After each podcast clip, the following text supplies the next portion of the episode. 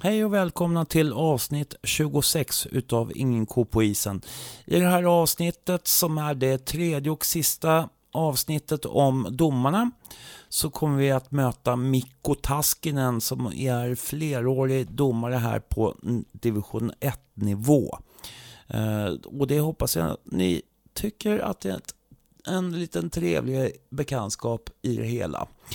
Eh, I övrigt så skulle jag vilja säga att eh, det här programmet görs i samarbete med Bamsingarna, Hammarby Hockeys supportergrupperingar, köp medlemskort.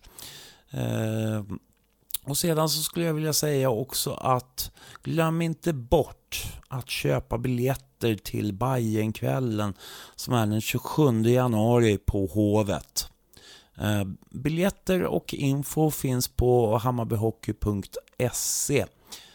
Och då skulle jag vilja önska er en trevlig lyssning tills vidare. Så kommer en liten eh, kortis om laget på lördag. Nu kör vi! One, two, three, four! Hello out there, we're on the air. It's hockey night tonight. The tension grows, the whistle blows, the puck goes down the ice. The jumps, the players bump, the fans all go insane. Summer roars, Johnny scores, the good old hockey game. Hej, det här är Stefan Ståhl och Inko på isen och det här kommer att bli avsnitt 26 eh, och den tredje delen i serier, serien om domare. Eh, nu har jag med mig en eh, ny gäst som jag hintade lite, grann om i förra avsnittet så att eh, du kan väl presentera dig. Eh, Mikko Tasken heter jag. Jag är huvuddomare i division 1 eh, i Region Öst mestadels, men vi kan ju döma över hela landet. 40 år och bor på Söder. Söder, en bajare egentligen eller? Ja, nej, lite grann. I fotboll i alla fall. Ja. Uh, hur mycket har du dömt? Uh, jag började döma 1991 så att uh, jag går in på min, vad blir det, 27 säsong kanske som hockeydomare. Och vilken nivå började du på då? Alltså vad, vad pratar vi ålder? Det borde vara 20-ish någonting? 14 var jag när jag började. Då börjar man ju döma de som är jämngamla och yngre. Och sen när man blir lite äldre så börjar man gå som linjedomare och då blir det seniorhockey. För, ja, från division 2 neråt. Ja, runt mitten på 90-talet. Mm. Hur var det? Alltså hur kommer det sig att du blev domare till att börja med? Uh, jag var ganska, ganska ful som spelare. Och min coach tyckte att jag behövde lära mig regler. Så han skickade mig på en domarkurs i Nacka där jag spelade. Och på den vägen är det. Så, han egentligen slängde ut ifrån hallen eller hur ska man dra det så hårt? Nej, det var det väl inte utan han ville ju att jag skulle förstå att man kan inte slasha hur mycket som helst utan att jag skulle få ett annat perspektiv på spelandet genom att vara domare. Vad hände på den där kursen då, för dig? Eh, jag gick i kursen och så började jag döma. Första matchen var Saltsjöbadens IP ute. Snöfall, fick bryta matchen för att det snöade så mycket. Jag tyckte det någonstans föddes det en liten gnista och eh, ja, jag fortsatte döma i den säsongen och sen gick jag kurs nästa säsong och så när man är i den åldern så kommer det ju ganska lämpliga fickpengar när man dömer ishockey. Så det var väl där det började. Mm. Temperament säger du eller liksom var det bara att du var väldigt aggressiv på isen då? Ja, det, man, man kan brukar säga till spelarna, nu har proppskåpet gått så att åk härifrån. Det var väl det proppskåpet som brann för några gånger för mig. Så det var bra att lära sig lite distans. Hur var du som spelare? Uh, jag var ganska skridskoskicklig högerback i Nacka som kunde använda klubban på fler än ett sätt. Kan man sammanfatta det så. Hur många utvisningsminuter som värst? Oj, det där är så länge sedan. Så att det inte finns på webben som tur är. Men jag vann väl utvisningsligan några år där. Mm. Eh, men sen så kände du i alla fall att eh, nej men, det är ju också ett sätt att hålla kontakt med hockeyn, att börja döma kanske. Ja, jag dömde ju och spelade ganska många år samtidigt. Så att eh, man fick ju båda, man hade ju mycket kontakt med ishockeyn. Mm. Hur, hur var det då? Alltså att både vara spelare och domare? Ja, man, man klär ju sig i olika uniformer så att man, man klipper av den där spelarkänslan ganska fort när man tar på sig randig tröja och vice versa. Så att, eh, fast jag fick ner mitt temperament som tur var, tack vare att jag var domare. Mm. Eh, men eh, det blir ju också en annan, eh, annan nivå. Alltså du slutar att spela, du börjar med skridskor. Träningsmängden blir ju något mindre då kanske.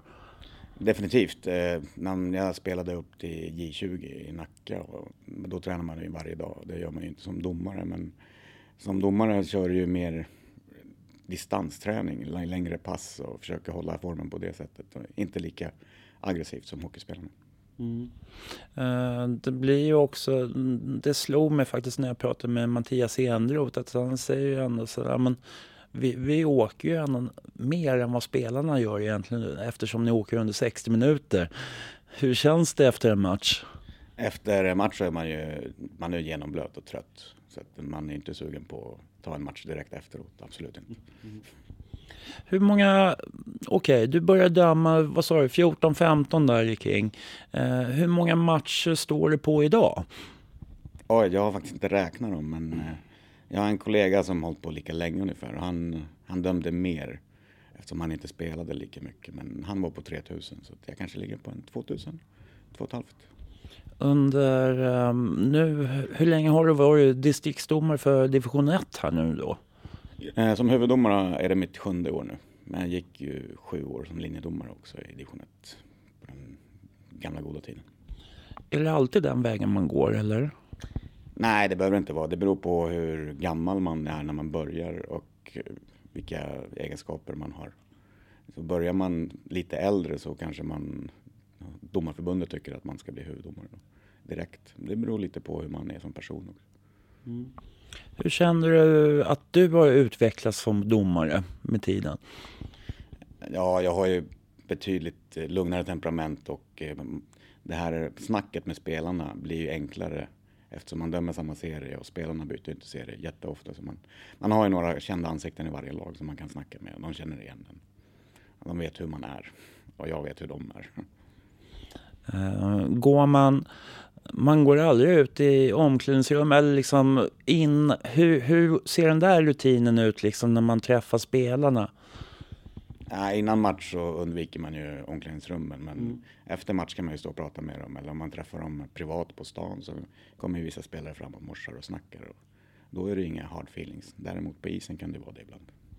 Men innan match, jag tänkte på det här med eh, hur man sätter en nivå på en match och hur, Alltså när sker den där kontakten där, där du kan föra fram, kommunicera det du vill till spelarna? Ja, man pratar ju med kaptenerna innan eh, första nedsläpp, men ibland känns det som att ja, de åker därifrån och nickar och ler och inte lyssnar, men jag kan ha fel. Men eh, sen försöker man ju, första fem minuterna så har du, använder rösten mycket, pratar med spelarna under match och i avblåsningar och försöker få dem hitta sin nivå. Mm. Hur tycker du att, eh, är jämnheten det viktiga? Givetvis, man ska ju vara konsekvent, ja. Alltså samma utvisning för båda lagen. Hur lätt är det? Ja, det, som ni vet så är det ganska svårt. Men eh, en offside är en offside. Det, det är en skarp linje där då, som man kan se att det är en offside. Medan en slashing, hur hårt får man slå innan det blir utvisning? Det är ju det folk reagerar på mest. Tror jag. Eh, vi som står på läktaren tycker ju eh, ganska ofta sådär att ja men nu, slå, nu åkte han ut eh, för en slashing där, alltså en spelare på egna laget. Men den andra spelaren i andra laget, han fick minsann inte i det andra hörnet. Hur, hur, hur ska man kunna få folk att förstå vad som är vad? Vi jobbar ju efter tre bokstäver, OBI, Obvious Benefit och Injury uppenbar fördel och skada. Och är det något av de bokstäverna som är uppfyllt i en situation, då ska det vara utvisning. Mm. Eh, vad tycker du? Alltså jag tänkte på det här med linjedomare bland annat. Alltså, för där tycker jag som publik ofta att linjedomarna ser ut att inte ta så mycket beslut utan att det bara är huvuddomaren. Hur, eh, hur mycket kommunicerar du med linjedomarna? Eh, vi kommunicerar jättemycket. Nästan varje gång jag åker förbi en linjedomare så är det en klapp på axeln eller något. Man ställer man sig och har en fråga så kan man ju ställa sig under matchen. Ta en liten snabb break där och fråga om allt känns bra eller vad tyckte du om det där? Och det är jättemycket kommunikation med linjedomaren. Mm. Uh, tänkte på en annan, alltså linjedomarna ska ju också ta beslut som gäller matchen. Tycker du att det görs i tillräckligt hög grad idag? Eh, absolut, det gör det. Jag får mycket hjälp av mina linjedomare. Mm. Men det är, det är mer det där som eh, vi kanske inte ser det på läktaren att, att det är någonting som sker och den, att den kommunikationen sker. Kan det vara så? Absolut, så är det ju. Och jag som huvuddomare måste ju följa spelet med blicken medan linjedomarnas uppgift är ju att ha min rygg ifall det ligger en spelare skadad. Då får jag ju 99 gånger av 100 får jag hjälp av linjedomarna och berätt, de berättar vad som har hänt. Mm. Ett ögonblick. Vad är det som knarrar? Ja, ismaskin. ja, vi sitter alltså i eh, Säterhallen eller MB-hallen eller STC-hallen. Vi vet inte riktigt eh, snart vad den heter, men eh, i konferensrummet med Mikko Taskinen alltså. Ehm, jag tänkte då på hur, hur funkar lagarbetet i ett domarteam? Alltså hur, när, när går ni in liksom i olika situationer och så vidare?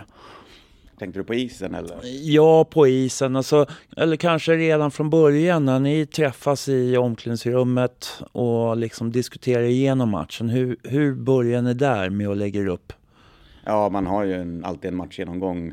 Pratar eh, fokussituationer, hur vi agerar om det blir olika situationer, gruff eller målvaktsblockeringar eller vad det kan vara. Så att eh, man kommer överens om sina arbetsuppgifter då. Och byter du eh, linjedomare ofta eller liksom har du ett gäng som du brukar komma med? Vi är ju, tror vi är 10 huvuddomare, 10 eller 11 huvuddomare och 23 eller 24 linjedomare så att man byts om. Man har inte samma team utan det är olika men de är 24 stycken så man känner ju dem alla. Eh, är det någon slags medveten strategi från förbundet att man inte ska ha samma? Det kan jag faktiskt inte svara på, men har, så har det varit i alla tider. Så eh, jag tror att det kanske går på rutin. Hur skulle det vara, skulle du vilja ha eh, att ni är, ni är fyra stycken som kommer eh, liksom se, som ett team? Både ja och nej. Det blir ju en trygghet men om man har samma människor runt sig hela tiden. Men jag tror att det skulle bli lite slentriant efter ett tag. Utan du får ju en liten ögonöppnare när du har en eh, ny kille med dig som beter sig inte likadant som de andra eller den gamla som du har haft med dig många gånger. Mm. Eh, pratar ni i, vad, vad pratar ni om i periodpauserna då? Nej, vi pratar ju match såklart. Eh, om det har hänt någonting, vad som har skett, om vi ska ändra på någonting, eh, om ja, fokusspelare, coacher, om det finns något problem med sekretariat eller matchklocka. Och så blir det en kopp kaffe och lite, skit, lite skitsnack också såklart. Mm. Man hinner inte så mycket under de här, här kvarten. Nej, det blir ju ganska tajt där. Man vill ju gärna pusta ut också och dricka lite vatten. Mm. Eh, jag tänkte på, just det, eh, jag fick reda på eh, utav Mattias Enroth i förra intervjun. Så pratade han om eh, matchrapporter och det var en överraskning för mig faktiskt att, att man bara skriver en matchrapport eh, om det har varit en matchstraff. Eh, jag tänker så här att skulle man inte eller vad, hur skulle man kunna skriva en matchrapport efter varje match där det inte har hänt så mycket men ändå att det har varit incidenter? Ja, det, det blir ju svårt därför disciplinkommittén som tar emot de här matchstraffrapporterna, de, tar ju, de stänger ju av spelare. Mm. Och det blir ju fel att skriva till dem om, om det inte har hänt någonting. Men jag tänker om man skulle ha en annan nivå, liksom att uh, kanske man skriver en matchrapport men som inte går till uh, disciplinnämnden utan man kanske har situationer som man ändå vill diskutera på med eh, Joel Hansson, kanske domarcoachen eller hur, hur tycker man, eller finns det någon sån idé? Ja, det finns ju lite idag. Idag är det en del matcher i Hockeyettan eh, videofilmas. Alltså. Och då kan man få ta del av videofilmerna efteråt. Och då, jag brukar ta med mig situationer som eh, jag tycker ser konstiga ut och som jag reflekterar med mina domarkollegor. Då. Och frågar om jag gjorde rätt beslut eller vad tycker du om det här? För det är enklare att titta på filmen fem gånger och ta ett beslut än att göra det på isen direkt. Och stämmer av att det vart rätt. Vad tror du om att Eh, har ni diskuterat om att kunna släppa upp vissa av de där filmerna så att folk skulle kunna eh, förstå bättre om vad det är för någonting som ni gör på isen? Eh, absolut, det är en idé. Jag tror SHL har det på sin hemsida för det är deras situationer då. Men sen vet jag inte hur det skulle lösa sig i Hockeyettan. Men absolut, det är en idé. Mm. Um, hur tycker du att man ska diskutera olika beslut eh, inom och utanför domarkåren då? Inom, inom domarkåren så är det ju högt i tak och alla får säga vad de tycker. Eh, nackdelen med om man kommer utanför domarkåren det är att det blir ju väldigt mycket oobjektiva eller vad ska vi kalla dem? Personliga åsikter. Mm. Uh, hur ska man få en bättre förståelse för domarnas arbete om man, om man tänker för, för dig själv? Liksom. Om du inte tänker på riktlinjer utan tänker, försöker tänka lite utanför boxen. Vad, vad tror du man, man ska fundera lite på i alla fall? Eh, just sådana här grejer till exempel är ju ett förträffligt verktyg att kunna dela med sig av känslor och information. Mm. Eh, det är ganska mycket känslor ute på isen. Eh, det är väl svårt att... Det finns väl en hel del som sägs ibland. Men hur, ska man få, hur tycker du att man ska ta det språket med de som vräker ur sig saker och ting på isen? Eh, vi, vi, vi, har ju riktlinjer för det där och eh, är det så att hela hallen hör en spelare som är väldigt upprörd och skriker oavsett vem man skriker på så ska det ju vara matchstraff på det. Så att, eh, men eh, däremot står det två killar och kurrar lite och de säger olämpliga saker till varandra. Då kan man ju ta det med spelarna under, under själva gruffet. Då. Nu kniper ni igen eller då blir det utvisning. Mm. Jag kan ju tänka på vissa situationer där, mm, där man tycker att ja, men det, det var en, en spelare som börjar och sen så börjar den andra boxa på och så tycker man så här, ja men då, då tar domaren ut båda två. Um, vilket jag kan tycka ibland är lite fegt, eller hur man ska säga. Förstår du situationen som jag menar, jag försöker beskriva? Ja, absolut. Och man gör, ibland gör man det lätt för sig, det är korrekt. Precis som eh, det blir ju enklare under matchen. Men eh, vi, ska, vi försöker differentiera de här smågruppen, alltså den som börjar ska ha en tvåa mer. Så att eh, det blir mer rättvist om de slåss lika mycket efteråt. Mm. Eh, men de diskussionerna går ni ofta igenom med eh, domarcoacherna då? Ja, absolut. Eh, coacherna är ju jättenyttiga när de är, kommer och coachar oss. För de har ju en läktarvy på det hela. Mm. Uh, inom fotbollen så har vi i Italien och så är det väl Tyskland så har man ju börjat med det här Video Assistance Referee, alltså VARD. Och eh, vi har målkameror i SHL. Eh, tror du att hockeyn skulle vara behjälplig utav att ha en mer, alltså zon, eh, att man tittar på vad som händer i anfallszon? Ja, ja, all, all teknik som den går framåt så fort, den hjälper ju. I SHL så är det väldigt tacksamt, Hockeyallsvenskan, att kunna titta om det verkligen var mål. Därför det, ibland ser man inte eller man hinner inte se. Och då är, man, man chansar ju inte. Man vill ju veta att det är mål, annars blir det inte mål. Och det är klart det ena laget blir upprört. Mm. Men eh, tekniken går ju framåt så en målkamera borde ju nästan kunna, kunna vara någonting eh, inom några år in, inom div, division 1 tycker jag i alla fall. Hur, hur ser du på det hela? Ja, jag skulle vara jättetacksam om vi hade målkameror i division 1. Sen tror jag det är en lite större puckrullning. Det måste ju finnas, eh, alla arenor måste se likadana ut. Man kan inte ha målkameror på två arenor och inte på resterande och liknande. Så det, det, är ju resurskrävande tror jag. Mm. Uh, hur ser du på de tekniska hjälpmedlen? Uh, ja, jag är, jobbar ju med teknik själv så jag, jag gillar ju teknik. Uh, det som hjälper en och inte stjälper en, det är ju bra. Mm. Uh, hur skulle du vilja förändra för domarna? Och, alltså teknik eller vad som helst? Nu har de infört i SHL att man har mikrofoner mellan huvuddomarna och linjedomarna. Och det skulle jag kunna jättegärna testa därför då får man ju en direkt information från linjedomarna på någonting man inte har sett. Då slipper man de här breaken och alla frågar varför står de där på dom, i, mitt, i, i domarcirkeln igen. Mm. Mm.